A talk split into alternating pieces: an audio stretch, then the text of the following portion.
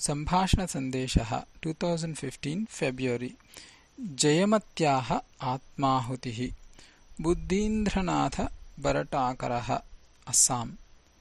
सप्तदशस्य शतकस्य उत्तरार्थे असमराज्ये प्रवृत्ता घटना एषा। तस्मिन् काले अहोमकुलीयाः अहोमकुलीयः चतुर्दशवर्षीयः बालनृपतिः रत्नध्वजः राज्यं परिपालयति स्म। सः चञ्चलमतिः।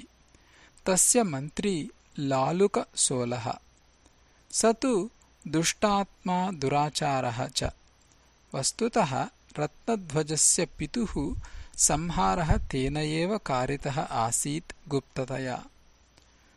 प्रशासनाधिकारं समग्रतया स्वाधीनीकृतं स्वाधीनीकर्तुम् इच्छन् सः पञ्चवर्षीयां स्वपुत्रीं रत्नध्वजाय दत्त्वा तं जामातरं विधाय स्वस्य प्राबल्यं दृढीकृतवान् आसीत्।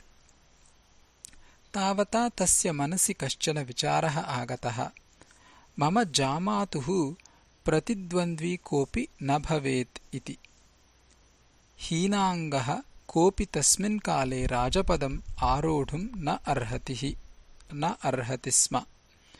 अतः सः गुप्तचराणां द्वारा अहोमकुलीयानां तद्बान्धवानां विवरणं सङ्गृह्य रहसि सर्वेषां राजकुलीयानां बालानां तरुणानां च अङ्गक्षतं कारितवान् किन्तु एकस्य एव अङ्गच्छेदं कर्तुं न शक्तं तेन।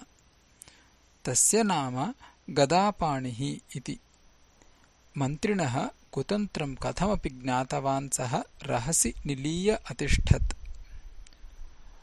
लालुकसोलेन तस्य अन्वेषणं बहुधा कारितम्।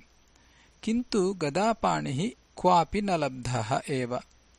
ततः लालुकसोलः तस्य पत्नीं जयमतीम् आनाय्य भीतिं जनयित्वा अपृच्छत्। तव पतिः क्व इति।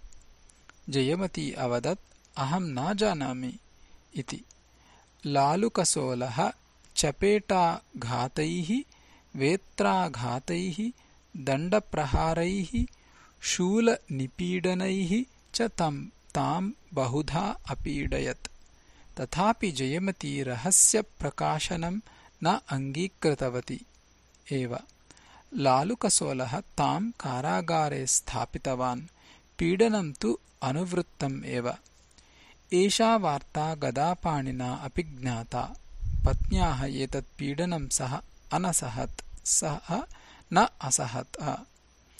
अतः वेषान्तरं धृत्वा रात्रौ पत्नीसमीपम् आगत्य सः अवदत् त्वं पत्युः रहस्यं किमर्थं न प्रकाशयसि? तत्प्रकाश्य इतः मुक्ता भव। जयमत्या वेषान्तरधारी सः न अभिज्ञातः एव। सा दृढस्वरेण अवदत् मया किमर्थं रहस्यं प्रकाश्येत? प्राणत्यागमपि अङ्गीकुर्याम् किन्तु रहस्यं तु न प्रकाशयेयम्। यदि भवान्